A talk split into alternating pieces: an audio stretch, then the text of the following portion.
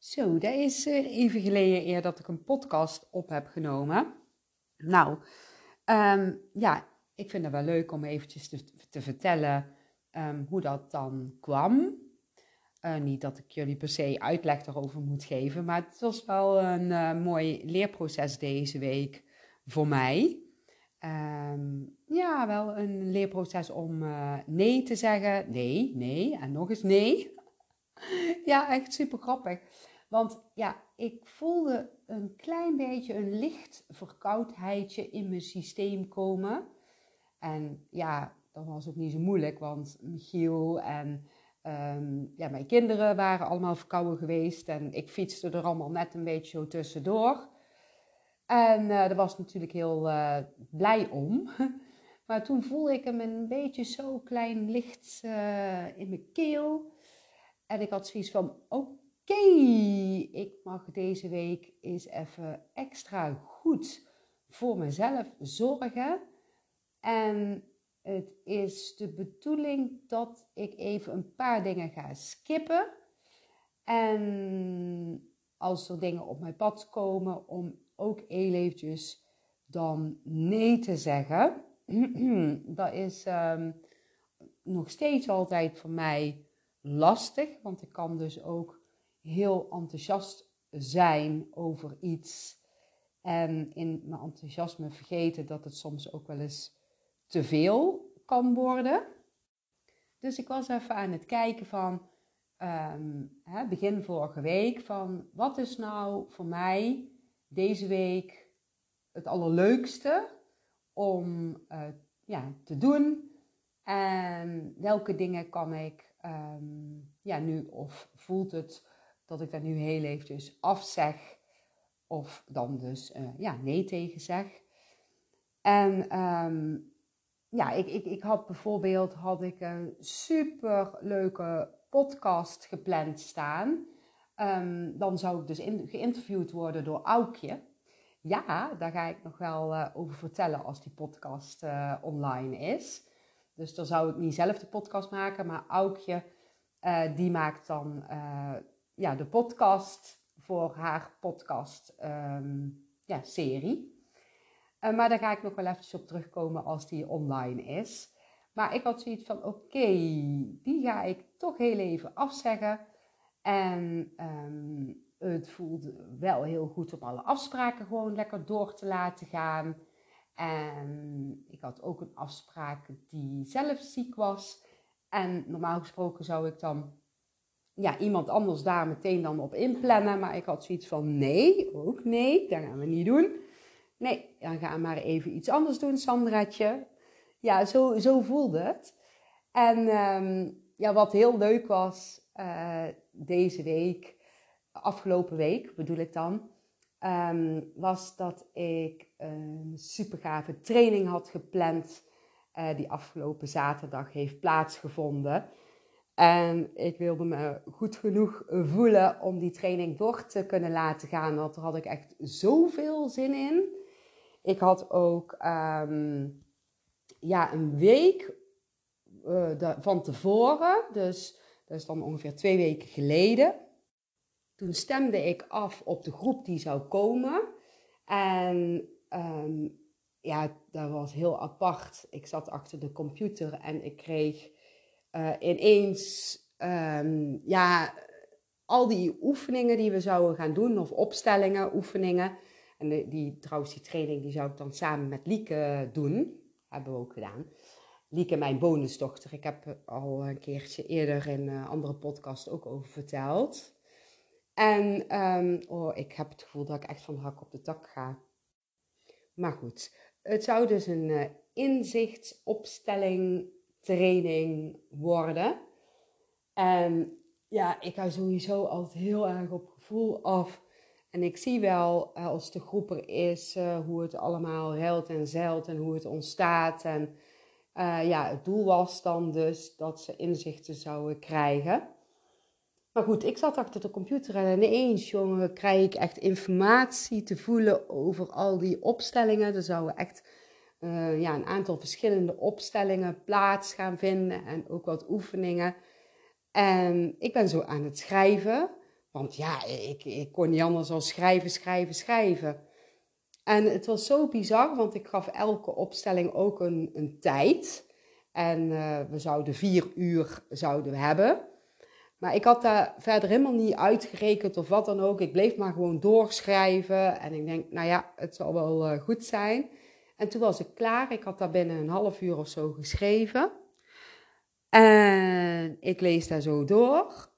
En ik had echt zoiets van: Oh my god, hoe, gaan we dat allemaal doen? Dat is zo mooi en zoveel. Ik voelde ook dat daardoor ook zoveel zou gebeuren met ja, de mensen die zich aan hadden gemeld. En dat er zoveel ja, energetisch uh, ja, los zou komen en inzichten daarop zouden, zouden komen. Ja, echt bizar. Echt bizar. En het grappige was, want ik zei daarna tegen Lieke, ik zeg, zou je dan eens even uit kunnen rekenen of we dat allemaal in vier uur kunnen doen? En zij rekent daar zo uit en echt eh, precies, precies, precies. Ja, dat was echt um, heel erg mooi. En ik kreeg daar dus zoveel zin in dat ik gewoon ja, mijn energie wilde sparen voor uh, ja, afgelopen zaterdag dus. En die dag daarna, dus dat was volgens mij, uh, nee, dat was, dat was uh, zeg maar drie dagen voordat de training begon, um, of plaats zou vinden. Toen um, droomde ik s'nachts dat ik dus al de allemaal aan het doen was. Dus in die nacht, zeg maar, had ik heel die uh, training gedaan met die mensen. En dat was weer zo bijzonder. Sorry, mijn keel is een beetje, nog een beetje onrustig. Ik heb misschien een wat sexier stem. Maar het was zo. nou, nou zeg je punt, oh, doe even normaal. Oké, okay? dan nou zeggen dat je nou een sexy stem hebt. Die stem voor jou die klinkt niet, want je bent ergens nog een beetje verkouden, hè? En waarom ben je nou die podcast aan het uh, maken? horen al die mensen dat je toch een beetje verkouden bent. Dat kun je toch niet maken? Dat is wat mijn punthoofd zegt. Boeiend. Maar um, ja, in ieder geval was het dus super vet gaaf dat je dat dan gewoon in je droom ja, allemaal zo voelt. En ja, voor mij gevoel dus informatie download uh, die op dat moment, zeg maar, dat eh, als, de, als die, die, die, die training plaatsvindt, dat dat dan zo zo komt, ja, dat is echt super vet gaaf. Ik heb daar wel vaker hoor. Um, ook, um, ja, ik heb daar misschien ook wel eens ooit eerder ook wel, verteld. Als um, bijvoorbeeld mensen hier komen, een afspraak hebben staan, dat ik uh, ja, die, die, die dag van tevoren of die nacht over hun heb gedroomd. Of als er iemand belt, dat ik daar eigenlijk dan al al weet. Dus onbewust sla je uh, ja, dat ergens dan op in je systeem. En op het moment dat het dan plaatsvindt, dan, dan kun je heel gemakkelijk bij die informatie komen. Maar zo heb ik het ook vaak bij kunstopdrachten. Als ik, um, of ja, hoeft dit helemaal niet per se kunstopdrachten te zijn, maar het kan ook zijn um, ja, dat ik een, uh, een, een schilderij maak uh, gewoon voor mezelf. En dat ik een heel klein stukje al heb geschetst. En als ik dan uh, ga slapen, dan zie ik ineens heel dat schilderij voor me.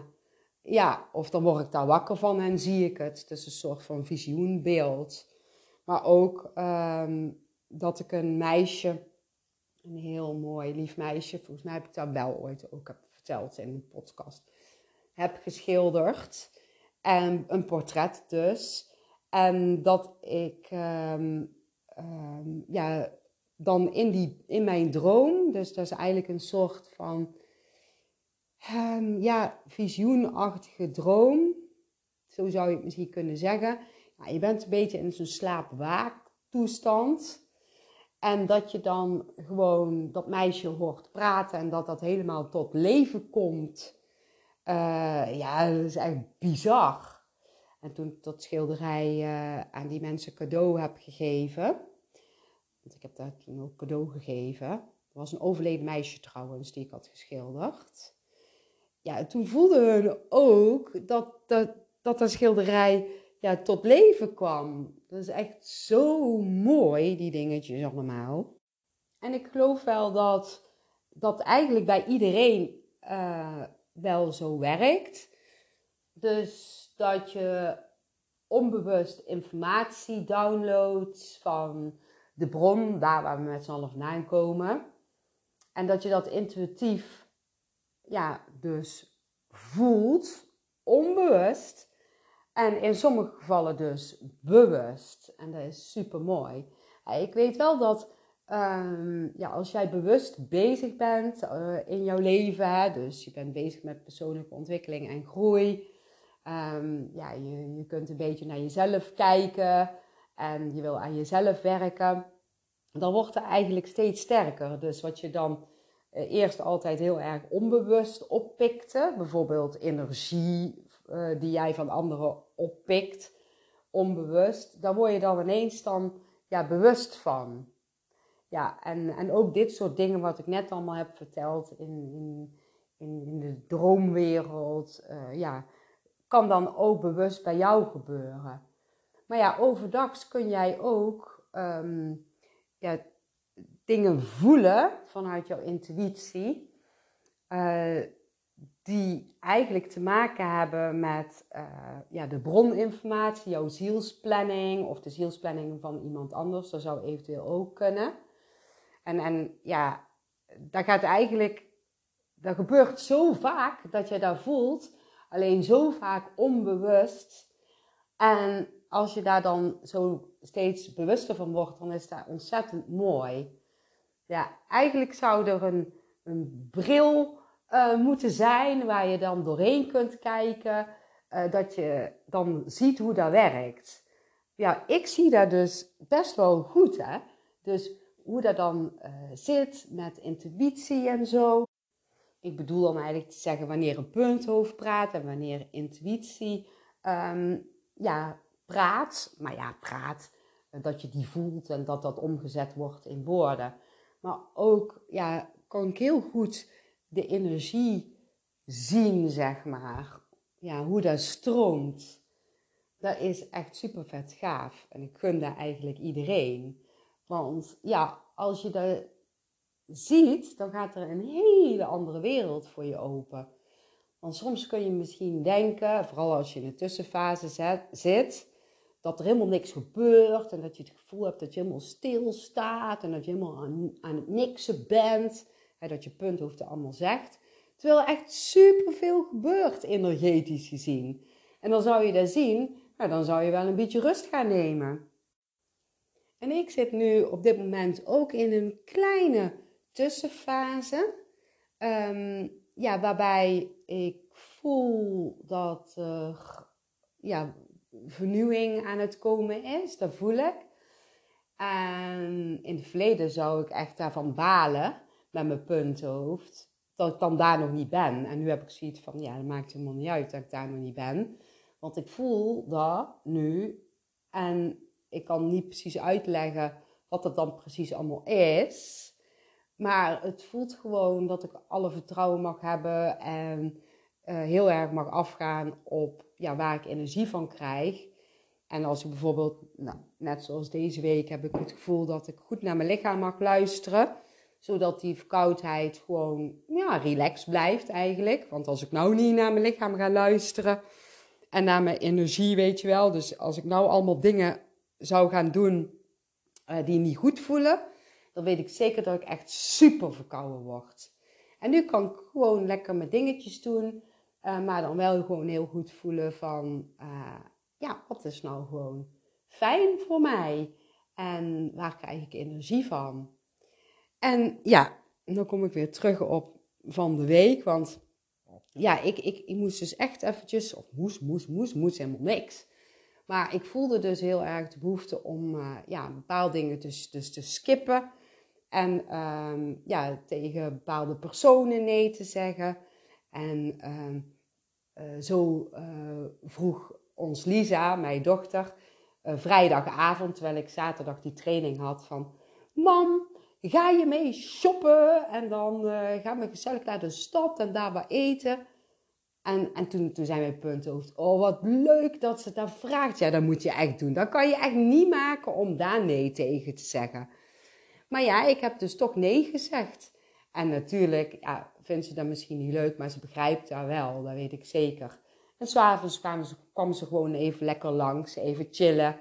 En hadden we gewoon uh, gezellig gekletst. En daarna was ik gewoon lekker op tijd naar bedje gegaan. En ja, zaterdags voelde ik mij dus gewoon goed. Maar wat er van de week ook was gebeurd, waar ik dan nee tegen heb gezegd, is. Tadadadadada. Ja, dat vindt mijn punthoofd echt zo stom dat ik dat heb gedaan. Maar uh, het voelt gewoon heel erg goed. Maar het is zo raar, want waar ik nee heb, tegen heb gezegd, uh, is eigenlijk super vet gaaf. Um, ik kreeg een mail binnen en uh, in die mail, um, ja, hoe zou ik dat zeggen? Nou ja, ik kreeg dus een hele grote kunstopdracht. En ja, echt super vet gave kunstopdracht heb ik wel vaker. Maar um, ik kan best wel goed nee zeggen, omdat ik nu, ik denk, mm, nog twee jaar bezig ben om alle opdrachten af te ronden. Dus ja, ik zeg gewoon heel vaak nee. Of het moet echt een geval zijn uh, waarvan ik voel van, nou ja, dit heeft wel heel even echt voorrang als het om een stervende gaat of wat dan ook. Dus bijvoorbeeld een handafdruk uh, waarvan ik voel van, ja, die krijgt even voorrang ja, dan wil ik toch nog wel ja zeggen. Maar ja, tegen een hele grote opdracht en dan nee zeggen terwijl dat echt super vet gave opdracht is, dat vond ik wel een dingetje. Want daar heb ik niet meteen nee op gezegd. Ik heb eerst er een nachtje over geslapen, maar mijn intuïtie zei van ja, Sandra, dat kan je wel doen, maar hoe wil je dat doen? Hoe wil je dat doen? Want dan zal je ook andere dingen even mogen skippen. En uh, mijn intuïtie zei van als het echt de bedoeling is dat die opdracht er gaat komen, dan uh, komen ze daar nog wel op terug uh, wanneer dat jij wel kan. En toen voelde ik alle vertrouwen toen ik dat gevoel voelde van mijn intuïtie, terwijl mijn punthoofd zei, doe normaal, doe normaal. Ik kan echt geen nee zeggen. Is toch kei leuk, dat wil je toch, dat wil je toch? ja, echt. en ik heb nee gezegd. En dat voelde echt super goed. Kijk, ik kan best wel goed uh, nee tegen iets zeggen wat niet goed voelt. Nou, daar ben ik aardig op getraind door al die, uh, ja, ik, ik wou eigenlijk een scheldwoord zeggen, maar dat, dat doe ik niet. Maar door al die gekke, maffe lessen die ik daarin heb gehad en testen. Uh, dus bijvoorbeeld nee zeggen tegen bepaalde personen uh, die niet goed voelen. Want ja, wat heb je eraan om dat wel te doen? Want dat kost jou hartstikke veel energie, je loopt leeg. En die ander die heeft daar ook eigenlijk helemaal niks aan, energetisch gezien. Hè? Alleen, ja, misschien dat die ander dan uh, teleurgesteld raakt. Of uh, boos wordt op jou, omdat hij bang is om afgewezen te worden. Maar ja, als, als als jij toch gewoon het niet wil, en dat is een eerlijke nee vanuit het diepste van je hart, en iemand anders die flipt hem daardoor, ja, dan is de vraag aan jou van, behoort diegene wel op jouw pad? Ja, ik heb het gevoel van nee. Dan, dan matcht de energie toch gewoon niet.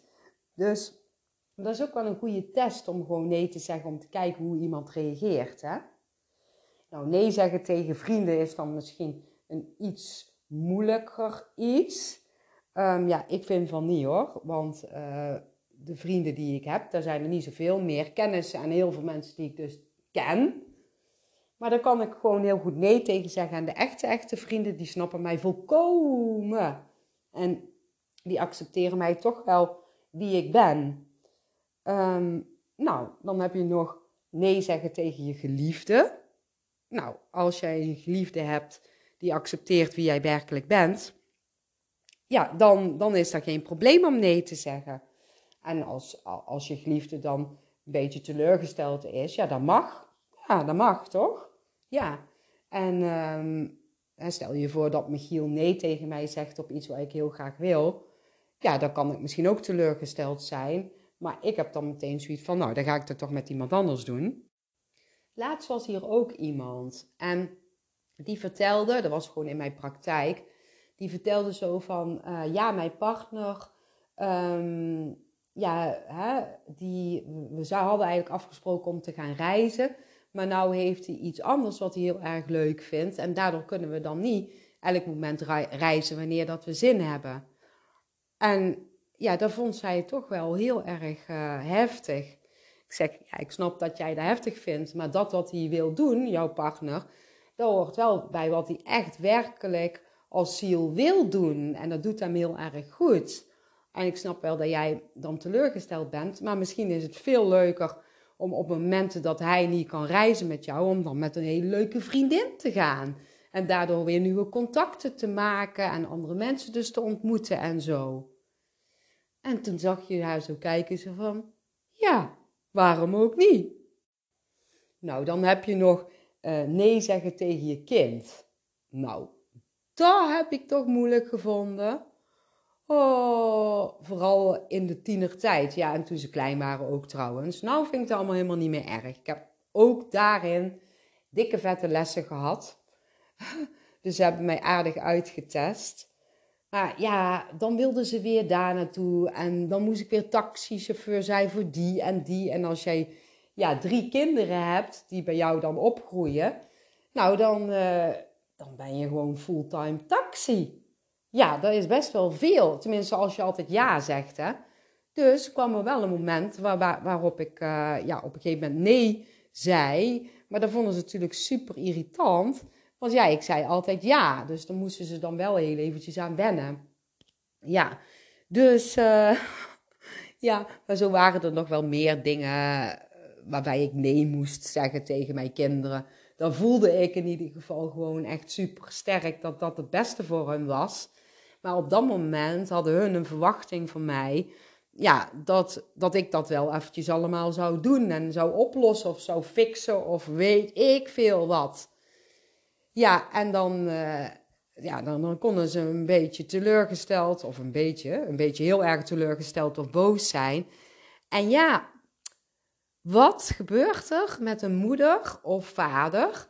Maar ik denk dat moeders nog erger zijn als je kind ja, jou niet leuk vindt of boos is op jou. Dat wil je helemaal niet, want je wil het beste voor je kind, menselijk gezien. Dat is een soort van raar oerinstinct die dan wil dat het allemaal maar goed gaat met je kind. Maar ik weet trouwens niet of dat dan een oerinstinct is.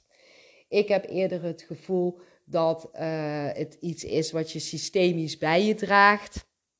Bijvoorbeeld van de vrouwenlijn, als je moeder bent dan. Hè? Uh, dus dat je, um, ja, als je dan kijkt bijvoorbeeld naar uh, mijn moeder, die wilde en wil nog steeds graag dat het goed gaat met haar kinderen met ons. En als dat niet zo is, dan kan ze daar misschien best wel van wakker liggen. En ik weet zeker dat ze heel veel van ons wakker heeft gelegen. En uh, als je dan kijkt naar de moeder van mijn moeder, die was nog 100 miljoen keer erger. En ja, zo slaat dat generatie op generatie door. En voor mijn gevoel heb ik dat toch wel een groot stuk doorbroken door heel vaak uh, nee te zeggen tegen uh, de kinderen. Um, maar wel ja, met een soort van pijn in mijn hart. Terwijl ik wist intuïtief dat dat het allerbeste ook zou zijn voor het kind.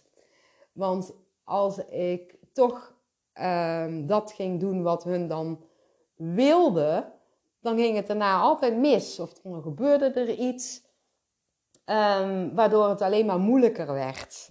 Dus ja, ik geloof heel sterk en daar heb ik ook wel in een andere podcast ook al wel gezegd van ja, als jij iets doet voor iemand terwijl het energiekostend is of het voelt helemaal niet goed, daar help je iemand helemaal niet mee. Nee, je bereikt het tegenovergestelde van helpen. Ja, en zo heb je dan ook bijvoorbeeld situaties hè, waar je dan nee tegen mag zeggen. Zoals uh, ja, verjaardagsfeestjes, um, werksituatie, iets wat je niet leuk vindt op je werk. Ja, en je wil dat gewoon echt niet. Ga alsjeblieft in gesprek met jouw werkgever. En als je een eigen bedrijf hebt en je wil iets niet, doe dat dan gewoon niet. En ga kijken hoe je het anders wil, in plaats van de hele tijd er tegenaan te hikken. En dan heb je ook nog ja, jongeren die naar school toe gaan, kinderen die naar school toe gaan.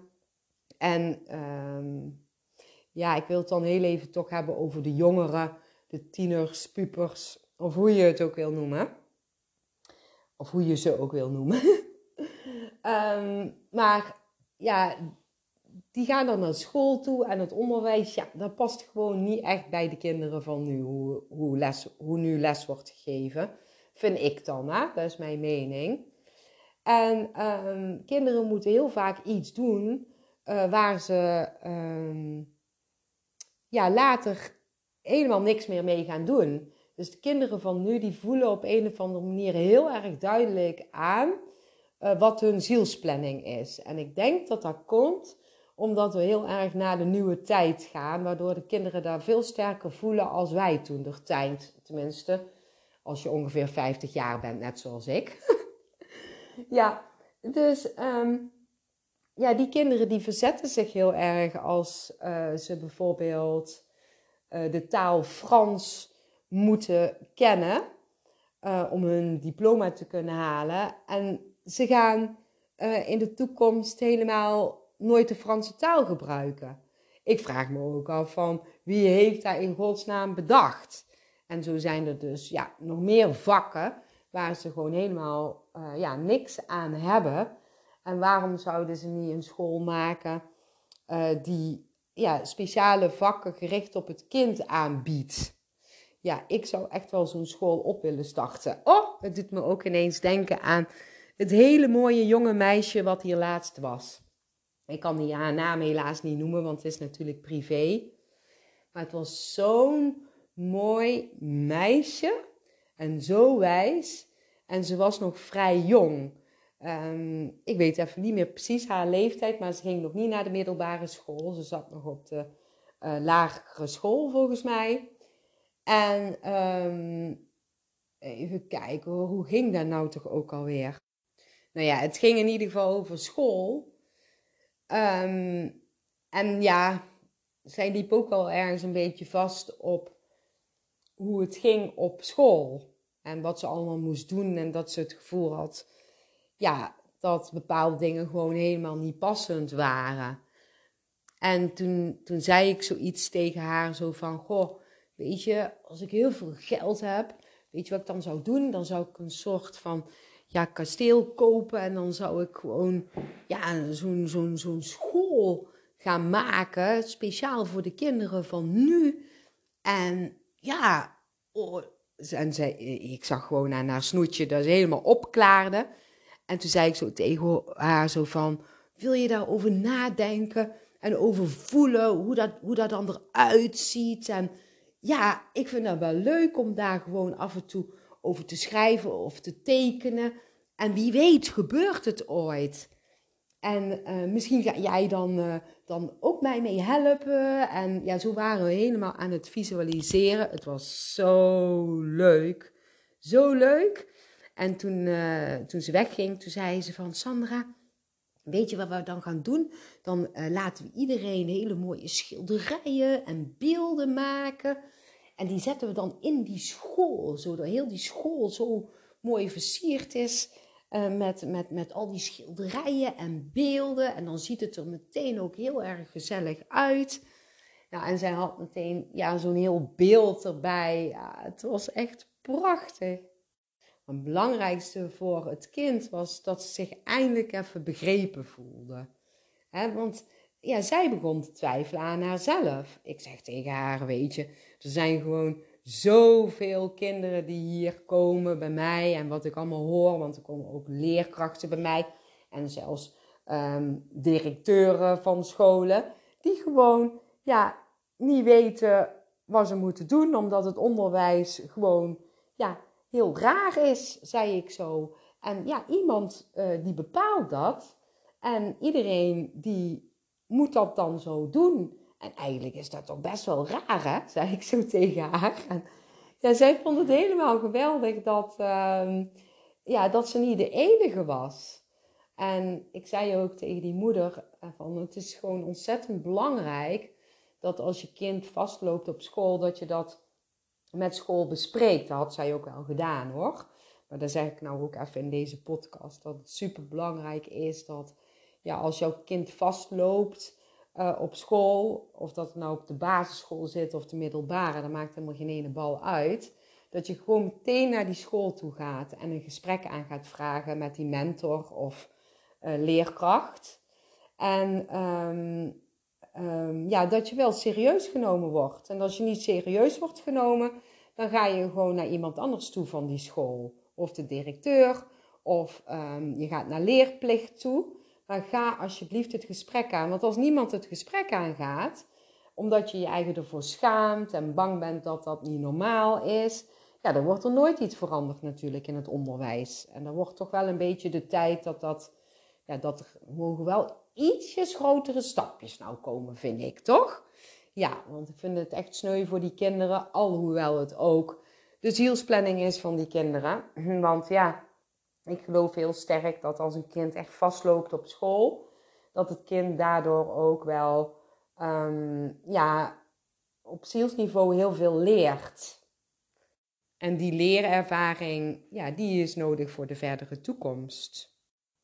Dus als je bijvoorbeeld kijkt naar dat kleine meisje wat bij mij was, nou ja, ik voelde heel duidelijk, uh, als je invoelde op haar zielsplanning, dat zij echt iets ging betekenen ook voor uh, ja, jongeren en kinderen, om um, ja, jongeren en kinderen die vastlopen weer ergens mee te helpen. Dus ja, dan doet zij nu wel een hele mooie ervaring op.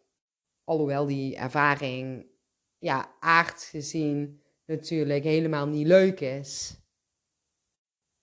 Maar ja, op zielsniveau is het de beste scholing ever. Dus dan is het een scholing buiten de aardse school om. ja. Ja, dus dat allemaal. Hmm, ik zit heel eventjes uh, ja, na te denken. Niet met mijn puntenhoofd hoor, maar met mijn goed planhoofd. Van hoe ga ik eigenlijk deze podcast uh, noemen? Ik zou het niet weten. Nou, daar kom ik dadelijk wel op. Hey, lieve allemaal. Uh, ja, ik, um, ik ga even stoppen weer. En ik ga even lekker chillen. Ik zou zeggen, heel veel liefs en tot de volgende keer.